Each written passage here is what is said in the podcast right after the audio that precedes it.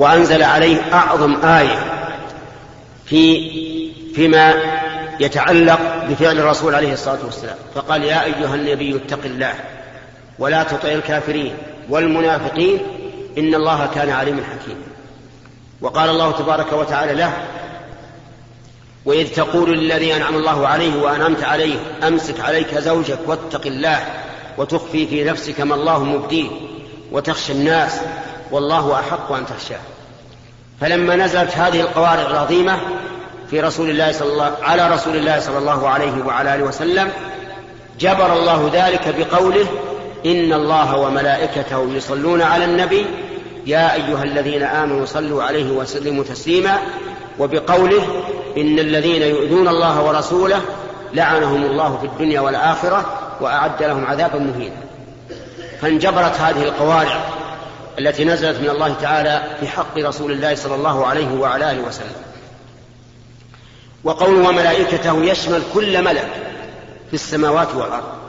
كل ملك ملك في السماوات والأرض فإنه يصلي على النبي صلى الله عليه وعلى آله وسلم.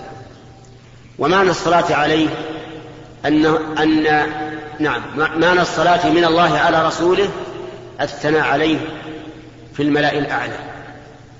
يعني أن الله يمدحه. ويثني عليه ويبين فضله في الملأ الأعلى في الملائكة.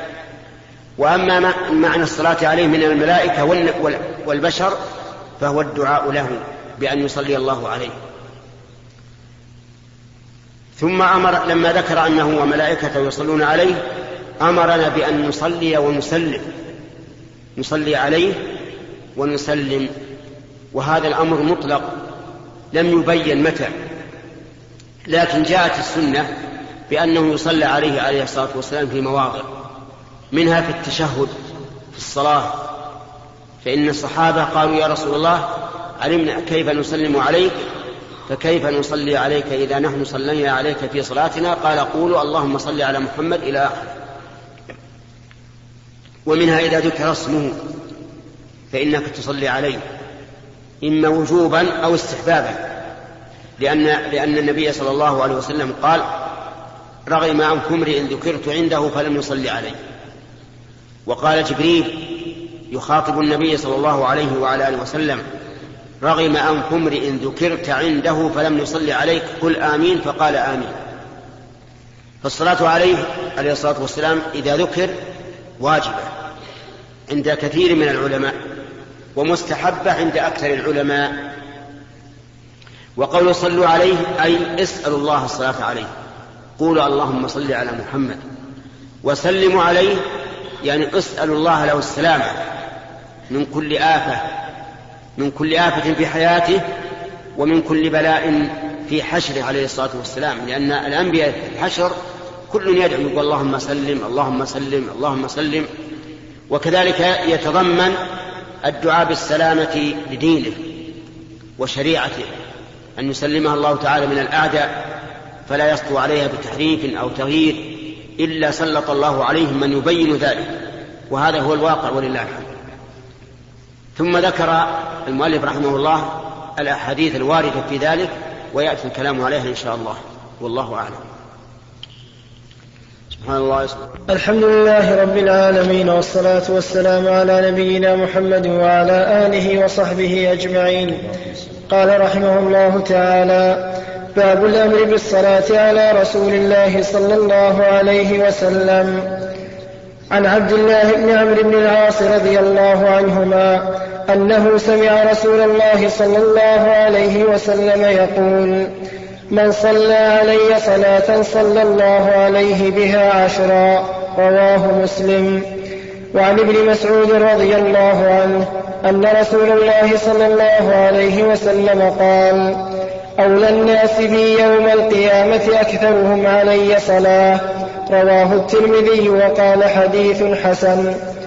وعن أوس بن أوس رضي الله عنه قال قال رسول الله صلى الله عليه وسلم إن من أفضل أيامكم يوم الجمعة فأكثروا علي من الصلاة فيه فإن صلاتكم معروضة علي. قالوا يا رسول الله وكيف تعرض صلاتنا عليك وقد أرمت؟ قال يقول قال يقول بليت.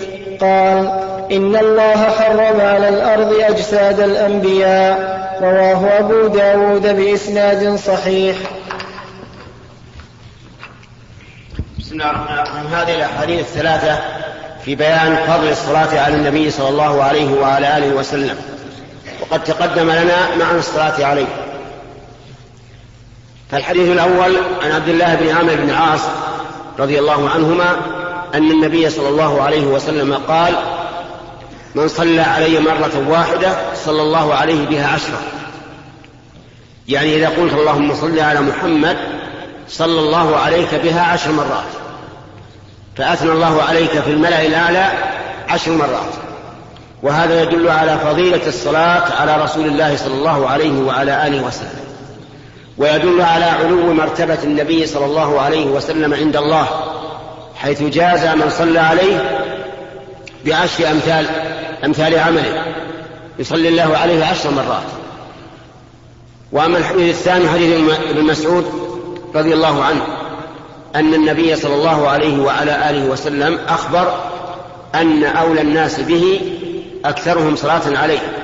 أولى الناس به يوم القيامة وأقربهم منه من, صل من كان من صلى عليه عليه الصلاة والسلام. أكثرهم صلاة على النبي هو أولى الناس به يوم القيامة. وهذا أيضا يدل على الترغيب في كثرة الصلاة على النبي صلى الله عليه وعلى آله وسلم. أما الثالث فهو حديث أوس بن أوس أن النبي صلى الله عليه وسلم أمر أن نكثر من الصلاة عليه يوم الجمعة وأخبر بأن صلاتنا معروضة عليه تعرض عليه فيقال صلى عليك فلان بن فلان أو تعرض عليه فيقال صلى عليك رجل من أمتك الله أعلم هل يعين المصلي أو لا؟ المهم أنها تعرض على النبي صلى الله عليه وعلى آله وسلم. فقالوا يا رسول الله كيف تعرض عليك؟ وقد أرمت أو أرمت؟ يعني بليت. فقال إن الله حرم على الأرض أن تأكل أجساد الأنبياء. فالأنبياء عليهم الصلاة والسلام مهما بقوا في الأرض فإن الأرض لا تأكلهم. أما غير الأنبياء فإنها تأكلهم. لكن قد يكرم الله تعالى بعض الموتى فلا تأكلهم الأرض وإن أبطأوا. ولكننا لا, لا نتيقن أن أحدا لا تأكله الأرض إلا الأنبياء عليهم الصلاة والسلام. ففي هذه الأحاديث الثلاثة الترغيب بكثرة الصلاة على النبي صلى الله عليه وعلى آله وسلم ولا سيما في يوم الجمعة. ولكن أكثر الصلاة عليه كل وقت. فإنك إذا صليت مرة واحدة صلى الله عليك بها عشرا. اللهم صل وسلم على عبدك ورسولك محمد وعلى آله وأصحابه أجمعين.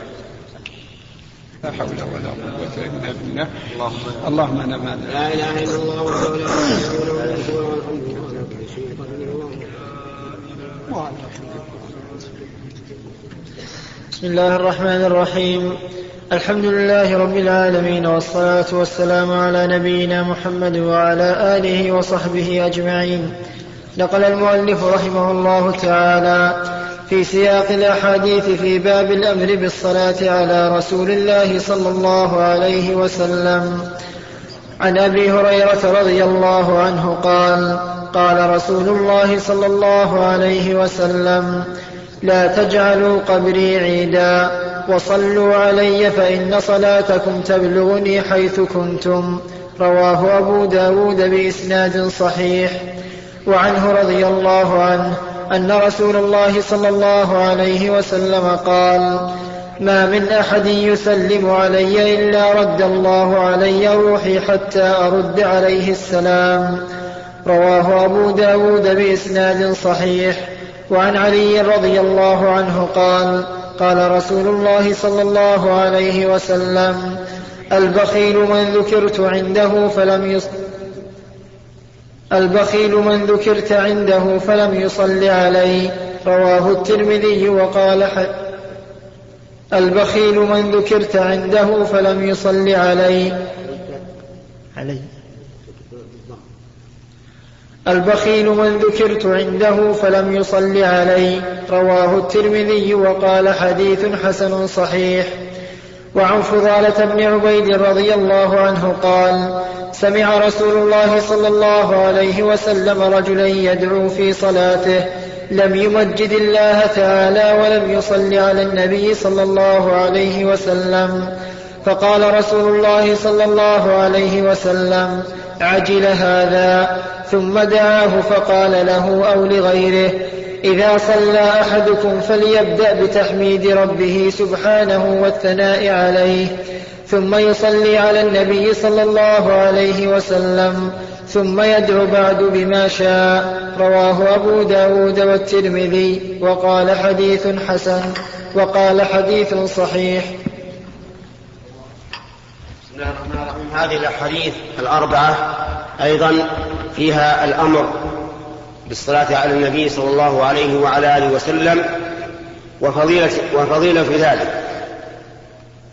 فمنها حديث أبي هريرة رضي الله عنه أن النبي صلى الله عليه وعلى آله وسلم قال لا تجعلوا قبري عيدا. وصلوا علي فإن صلاتكم تبلغني حيثما كنتم. المعنى لا تجعلوا القبر عيدا تتكررون بالمجيء إليه. كل سنة مرة أو مرتين أو ما أشبه ذلك. وفيه دليل على تحريم شد الرحل لزيارة قبر النبي صلى الله عليه وعلى آله وسلم. وأن الإنسان إذا أراد الذهاب إلى المدينة لا يقصد أن أن يسافر من أجل زيارة قبر الرسول ولكن يسافر من أجل الصلاة في مسجده. لأن الصلاة في مسجده خير من ألف صلاة فيما سواه إلا المسجد الحرام. قال وصلوا علي فإن صلاتكم تبلغني حيثما كنتم. إذا صليت على الرسول صلى الله عليه وعلى آله وسلم فإن صلاتك تبلغه حيثما كنت في بر أو بحر أو جو قريبا كنت أم بعيدا. وكذلك الحديث الثاني أنه ما من رجل مسلم يسلم على النبي صلى الله عليه وسلم إلا رد الله عليه روحه حتى يرد عليه السلام. فإذا سلمت على النبي صلى الله عليه وعلى آله وسلم رد الله عليه روحه فرد عليك السلام. والظاهر أن هذا في من كان قريبا منه كأن يقف على قبره ويقول السلام عليك أيها النبي ورحمة الله وبركاته ويحتمل أن يكون عاما. والله على كل شيء قدير. ثم ذكر المؤلف حديث علي بن أبي طالب رضي الله عنه وحديث فضالة بن عبيد. وفيهما أيضا الحث على الصلاة على النبي صلى الله عليه وعلى آله وسلم. لكن حديث فضالة بن عبيد الظاهر أن المراد بذلك التشهد وأن هذا الرجل تشهد ولم يثني على الله تعالى ولم يمجده ولم يصلي على النبي ولكنه دعا مباشرة. ومعلوم أن التشهد فيه أولا الثناء على الله بقولك التحيات لله والصلوات والطيبات وفيه أيضا السلام على النبي صلى الله عليه وسلم والصلاة عليه ثم الدعاء. فيحمل أعني حديث فضالة بن عبيد على هذا على أن المراد بذلك الدعاء في الصلاة وأنه يسبق بالتحيات ثم بالسلام والصلاة على النبي صلى الله عليه وسلم ثم بالدعاء. والله موفق.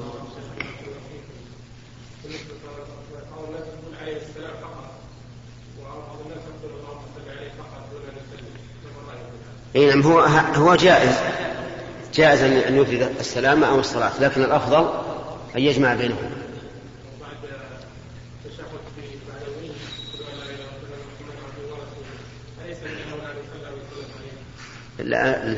الحديث جاء بأن خاتمته عبده ورسوله. والرسول علم أصحابه أول ما علمهم التشهد. السلام عليك أيها النبي ورحمة الله وبركاته. السلام علينا وعلى عباد الله الصالحين. أشهد أن لا إله إلا الله وأشهد أن محمدا عبده ورسوله. الرحمن الرحيم. الحمد لله رب العالمين والصلاة والسلام على نبينا محمد وعلى آله وصحبه أجمعين. نقل المؤلف رحمه الله تعالى في سياق الأحاديث في باب الأمر بالصلاة على رسول الله صلى الله عليه وسلم.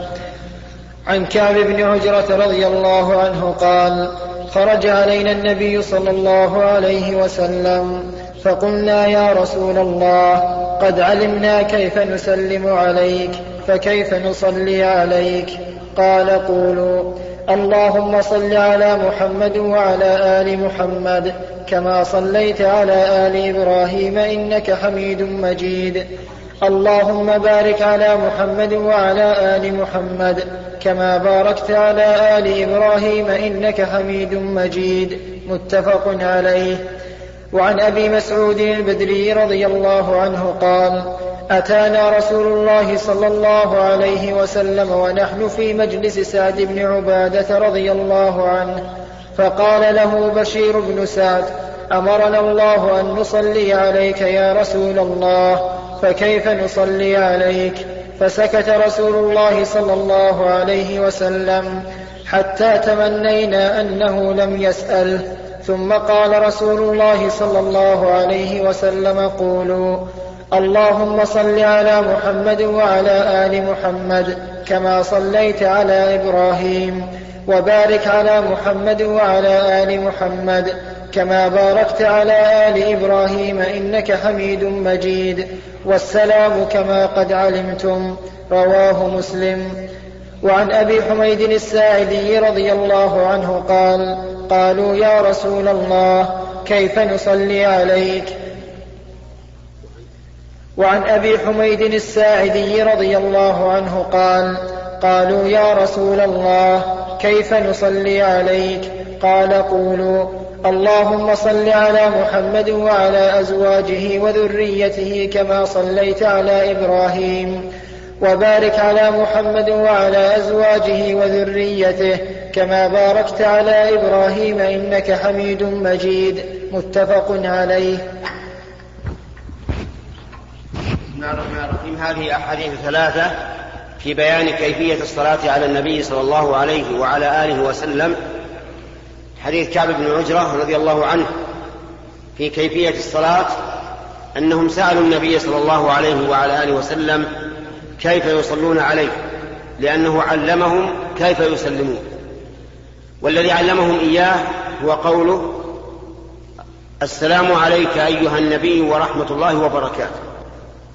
أما الصلاة فعلمهم وقال قولوا اللهم صل على محمد وعلى آل محمد. وقد سبق أن معنى الصلاة على أن معنى صلاة الله على العبد هي ثناؤه عليه في الملأ الأعلى.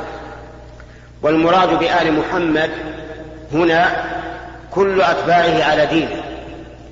فإن آل الإنسان قد يراد بهم أتباعه على دينه وقد يراد بهم قرابته. لكن في مقام الدعاء ينبغي أن يراد بهم العموم لأنه أشمل.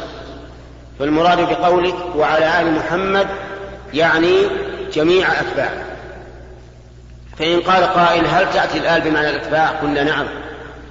قال الله تعالى ويوم تقوم الساعة أدخلوا آل فرعون أشد العذاب. قال العلماء معناه أدخلوا أتباعه. أشد العذاب وهو أوله. كما قال تعالى يقدم قومه يوم القيامة فأوردهم النار وبئس الورد المورود.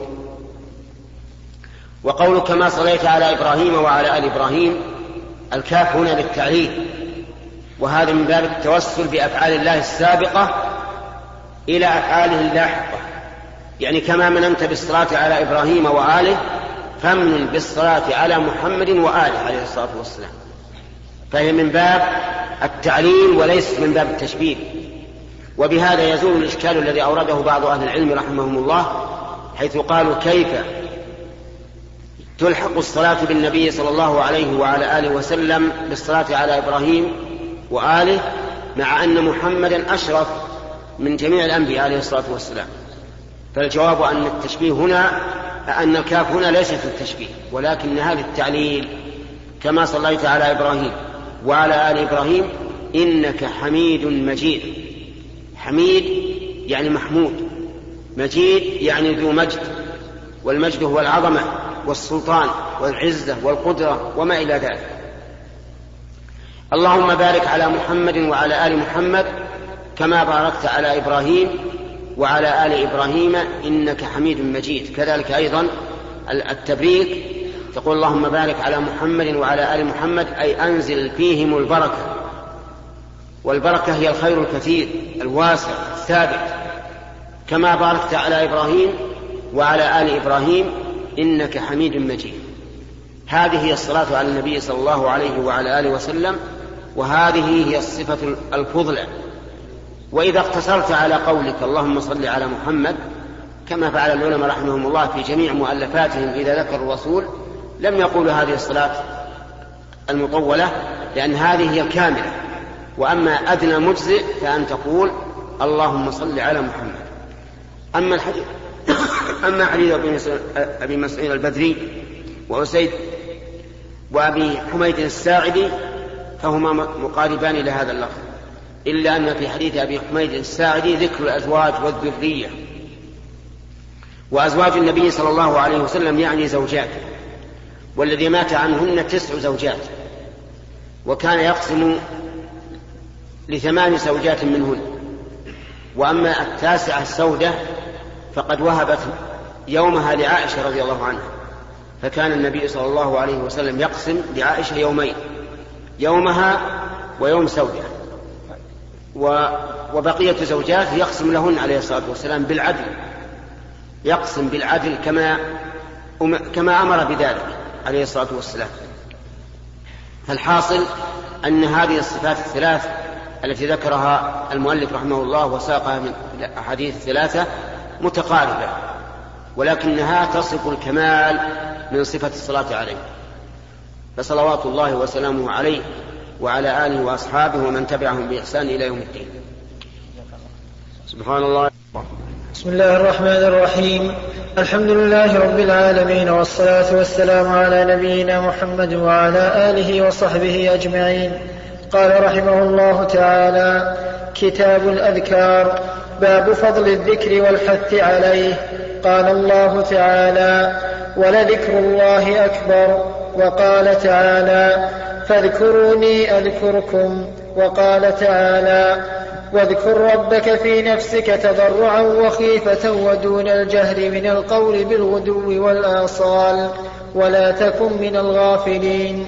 وقال تعالى واذكروا الله كثيرا لعلكم تفلحون. وقال تعالى إن المسلمين والمسلمات والمؤمنين والمؤمنات إلى قوله تعالى والذاكرين الله كثيرا والذاكرات. أعد الله لهم مغفرة وأجرا عظيما. وقال تعالى يا أيها الذين آمنوا اذكروا الله ذكرا كثيرا وسبحوه بكرة وأصيلا. قال المؤلف رحمه الله تعالى في كتابه رياض الصالحين كتاب الأذكار. الأذكار جمع ذكر. والمراد بذلك ذكر الله عز وجل.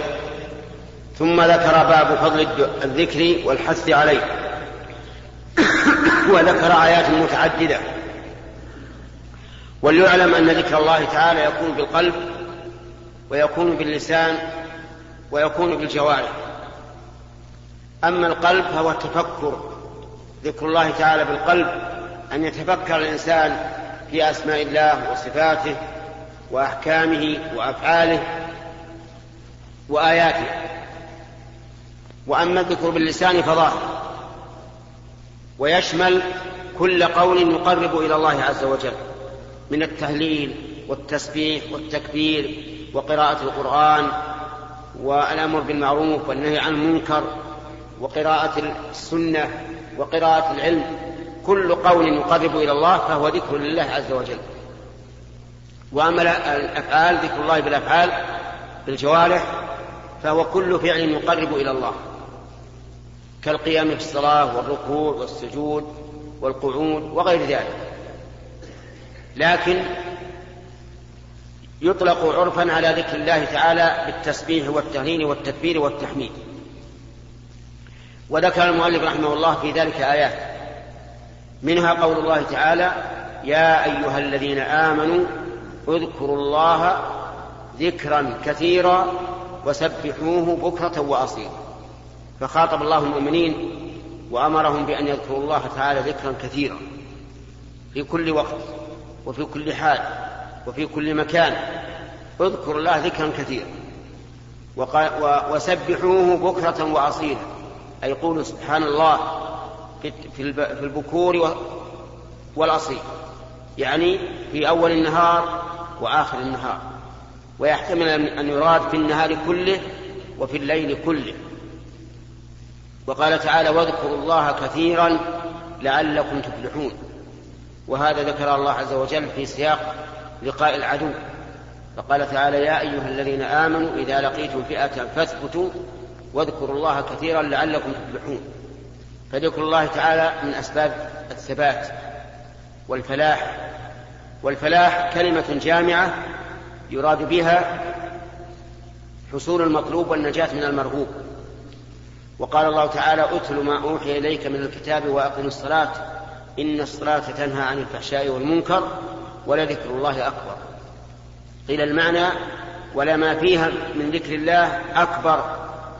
وقيل المعنى ذكر الله عموما أكبر. وهو أن الإنسان إذا صلى كان كان ذلك سببا لحياة قلبه وذكره لله عز وجل كثيرا. وقال تعالى في وصف في وصف الخلص من من عباده إن المسلمين والمسلمات والمؤمنين والمؤمنات إلى قوله والذاكرين الله كثيرا والذاكرات أعد الله لهم مغفرة وأجرا عظيما. وقال تعالى فاذكروني أذكركم واشكروا لي ولا تكفرون. والآيات في هذا كثيرة كلها تدل على فضيلة الذكر والحث عليه. وقد أثنى الله تعالى على الذين يذكرون الله قياما وقعودا وعلى جنوبهم وبين أنهم هم أصحاب العقول.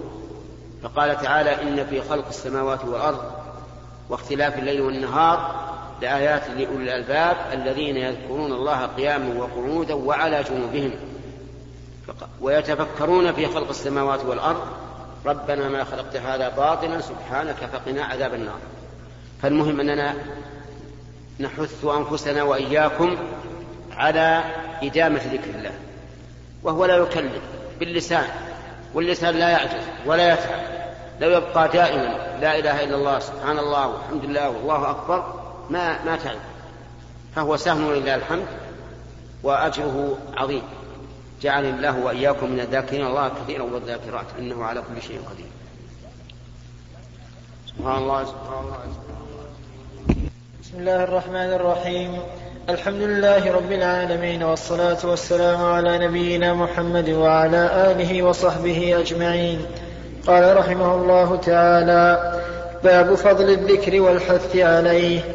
عن أبي هريرة رضي الله عنه قال قال رسول الله صلى الله عليه وسلم كلمتان خفيفتان على اللسان ثقيلتان في الميزان حبيبتان إلى الرحمن. سبحان الله وبحمده سبحان الله العظيم. متفق عليه. وعنه رضي الله عنه قال قال رسول الله صلى الله عليه وسلم لأن أقول سبحان الله والحمد لله ولا إله إلا الله والله أكبر. أحب إلي مما طلعت عليه الشمس. رواه مسلم. وعنه رضي الله عنه أن رسول الله صلى الله عليه وسلم قال من قال لا إله إلا الله وحده لا شريك له له الملك وله الحمد وهو على كل شيء قدير. في يوم مئة مرة كانت له عدل عشر رقاب وكتبت له مئة حسنة ومحيت عنه مئة سيئة وكانت له حرزا من الشيطان يومه ذلك حتى يمسي. ولم يأت أحد بأفضل مما جاء به إلا رجل عمل أكثر منه. وقال من قال سبحان الله وبحمده في يوم مئة مرة حطت خطاياه وإن كانت مثل زبد البحر. متفق عليه. هذه ثلاثة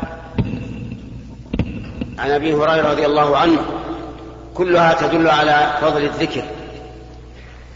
الأول قال النبي صلى الله عليه وعلى آله وسلم كلمتان خفيفتان على اللسان ثقيلتان في الميزان حبيبتان إلى الرحمن.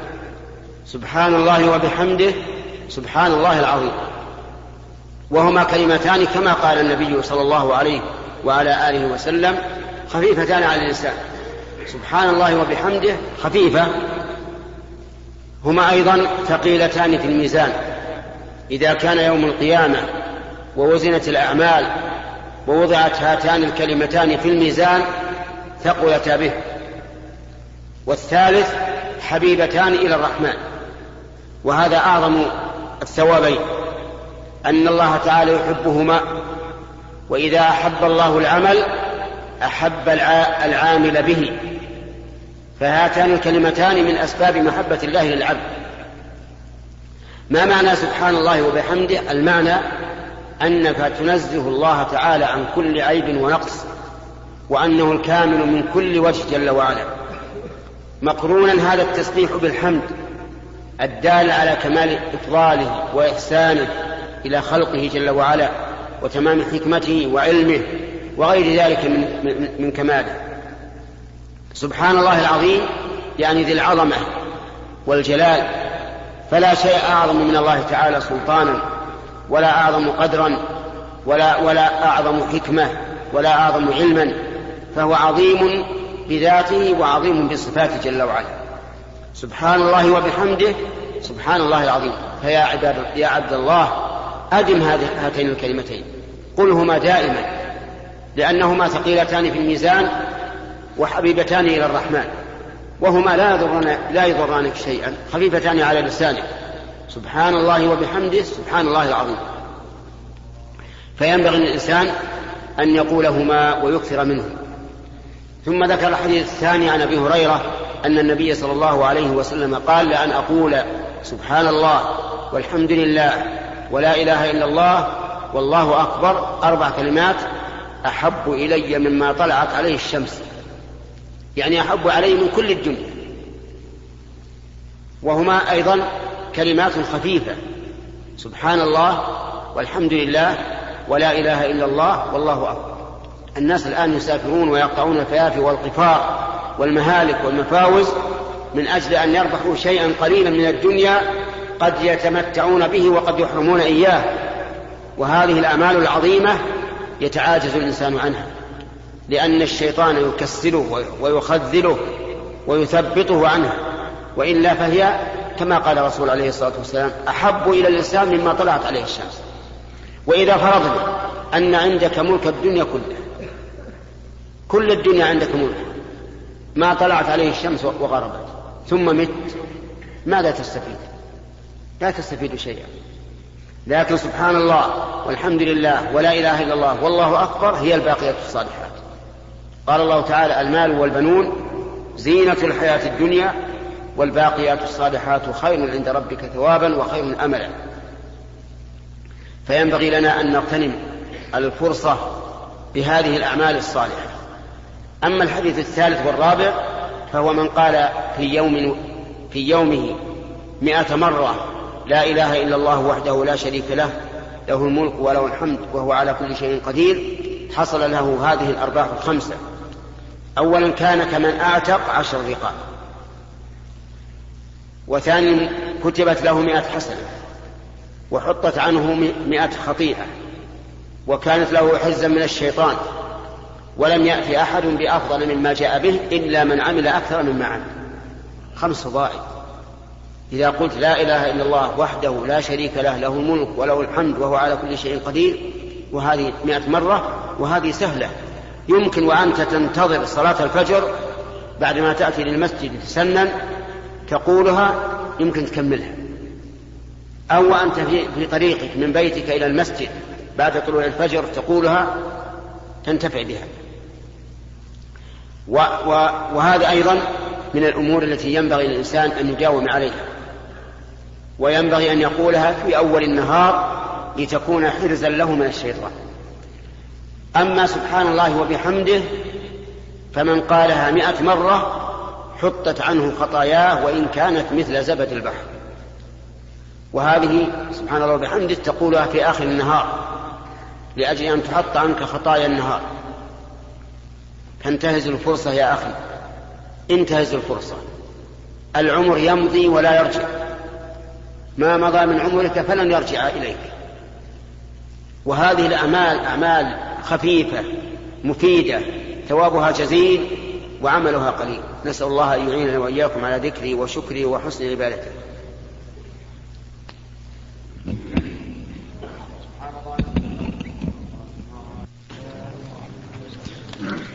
لا إله إلا الله لا إله إلا الله. اللهم لا مانع لما أعطيت ولا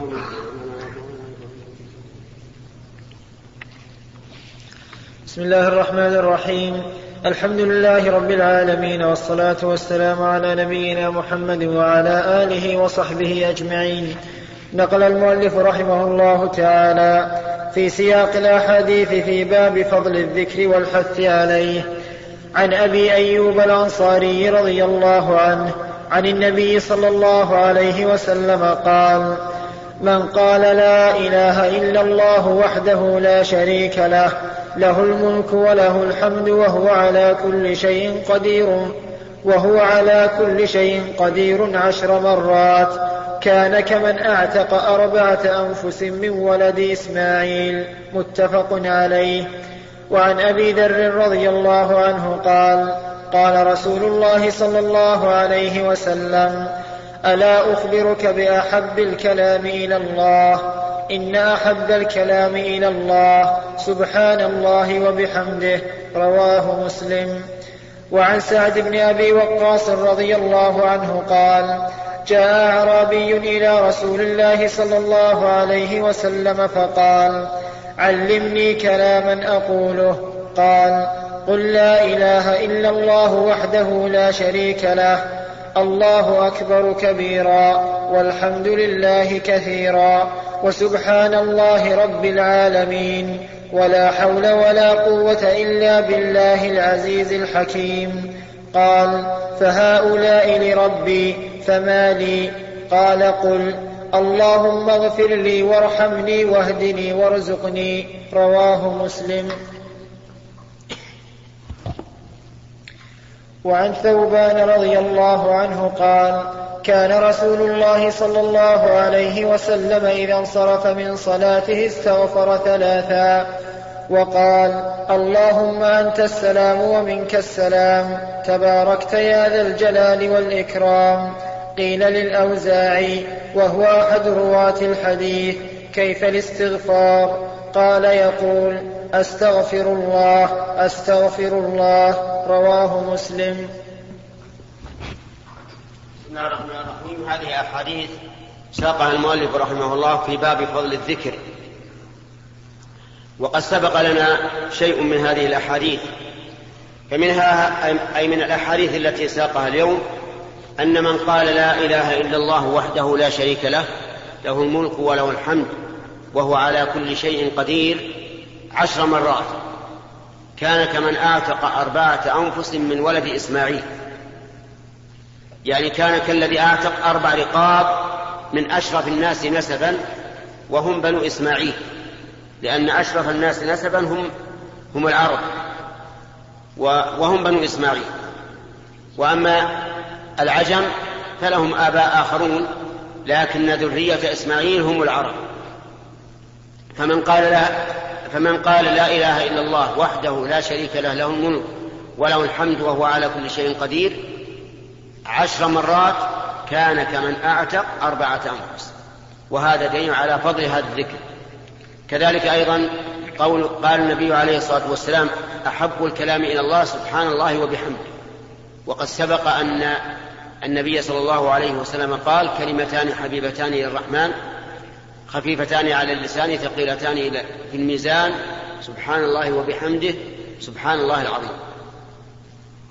وكذلك حديث ثوبان لكنه ذكر مقيد أن النبي صلى الله عليه وعلى آله وسلم كان إذا انصرف من صلاته قال أستغفر الله. يعني استغفر ثلاثا فقال أستغفر الله أستغفر الله أستغفر الله. اللهم أنت السلام ومنك السلام تبارك يا ذا الجلال والإكرام. وإنما يستغفر الإنسان إذا فرغ من صلاته من أجل ما يكون فيها من خلل ونقص. ويقول اللهم أنت السلام يعني اللهم إني أتوسل إليك بهذا الاسم الكريم من أسمائك أن تسلم لي صلاتي حتى تكون تكبيرا للسيئات ورفعة بالدرجات. والله موفق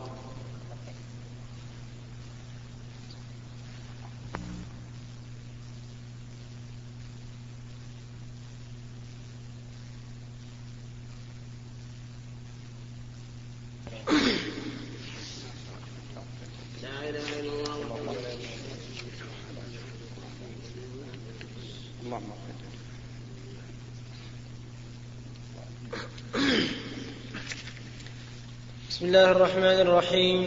الحمد لله رب العالمين والصلاة والسلام على نبينا محمد وعلى آله وصحبه أجمعين. نقل المؤلف رحمه الله تعالى في سياق الأحاديث في باب فضل الذكر والحث عليه عن المغيرة بن شعبة رضي الله عنه أن رسول الله صلى الله عليه وسلم كان إذا فرغ من الصلاة وسلم قال: لا إله إلا الله وحده لا شريك له له الملك وله الحمد وهو على كل شيء قدير. اللهم لا مانع لما أعطيت ولا معطي لما منعت ولا ينفع ذا الجد منك الجد متفق عليه. وعن عبد الله بن الزبير رضي الله تعالى عنهما أنه كان يقول دبر كل صلاة حين يسلم لا إله إلا الله وحده لا شريك له له الملك وله الحمد وهو على كل شيء قدير لا حول ولا قوة إلا بالله لا إله إلا الله ولا نعبد إلا إياه له النعمة وله الفضل وله الثناء الحسن لا إله إلا الله مخلصين له الدين ولو كره الكافرون. قال ابن الزبير وكان رسول الله صلى الله عليه وسلم يهلل بهن دبر كل صلاة. رواه مسلم. بسم الله الرحمن الرحيم. هذان الحديثان في بيان الأذكار المقيدة لأن الأذكار تنقسم إلى قسمين مطلقة ومقيدة. منها مقيد بالوضوء ومنها ما هو مقيد بالصلاة. فهذان الحديثان مقيدان بالصلاة. حديث المغيرة بن شعبة وحديث عبد الله بن الزبير رضي الله عنهما. أما حديث المغيرة فقد أخبر رضي الله عنه أن النبي صلى الله عليه وعلى آله وسلم كان يقول إذا سلم من صلاته لا إله إلا الله وحده لا شريك له له الملك وله الحمد وهو على كل شيء قدير. ومعنى لا إله إلا الله يعني لا معبود حق إلا الله. فلا معبود في الكائنات يستحق أن يعبد إلا الله عز وجل. أما الأصنام التي تعبد من دون الله فليست مستحقة للعبادة حتى وإن سماها عابدوها آلهة فإنها ليست آلهة. بل هي كما قال الله تعالى ما تعبدون من دونه إلا أسماء سميتموها أنتم وآباؤكم ما أنزل الله بها من سلطان. فالمعبود حقا هو الله عز وجل وقوله وحده لا شريك له هذا من باب التأكيد. تأكيد وحدانيته جل وعلا وأنه لا مشارك له في ألوهيته. له الملك وله الحمد وهو على كل شيء قدير. له الملك المطلق العام الشامل الواسع ملك السماوات والأرض وما بينهما ملك الآدميين والحيوانات والأشجار والبحار والأنهار والملائكة والشمس والقمر كل هذه ملك لله عز وجل. ما علمنا وما لم نعلم. له الملك كله. يتصرف فيه كما يشاء وعلى ما تقتضيه حكمته جل وعلا. وله الحمد يعني الكمال المطلق على كل حال فهو جل وعلا محمود على كل حال في السراء وفي الضراء. أما في السراء فيحمد الإنسان ربه حمد شكر وأما في الضراء فيحمد, فيحمد الإنسان ربه حمد تفويض لأن الشيء الذي يضر الإنسان قد لا يتبين له وجه المصلحة فيه ولكن الله تعالى أعلم. فالله تعالى محمود على كل حال. وكان النبي صلى الله عليه وعلى آله وسلم إذا أتاه ما يسره قال الحمد لله الذي بنعمته تتم الصالحات. وإذا أتاه ما, ما لا يسره قال الحمد لله على كل حال. وأما ما يقول بعض الناس الحمد لله الذي لا يحمد على مكروه سواه هذه كلمة خاطئة لم ترد ومعناها غير صحيح وإنما يقال الحمد لله على كل حال. اللهم لا مانع لما أعطيت ولا معطي لما منعت ولا ينفع ذا الجد منك الجد. هذا أيضا تفويض إلى الله عز وجل بأنه لا مانع لما أعطى. فما أعطاك الله لا أحد يمنعه وما منعك لا أحد لا أحد يعطيك إياه. ولهذا قال ولا معطي لما منعت. فإذا آمنا بهذا فمن نسأل العطاء فممن نسأل العطاء؟ من الله. إذا آمنا بأنه لا مانع لما أعطى ولا معطي لما منع إذا لا نسأل العطاء إلا من الله عز وجل. ونعم.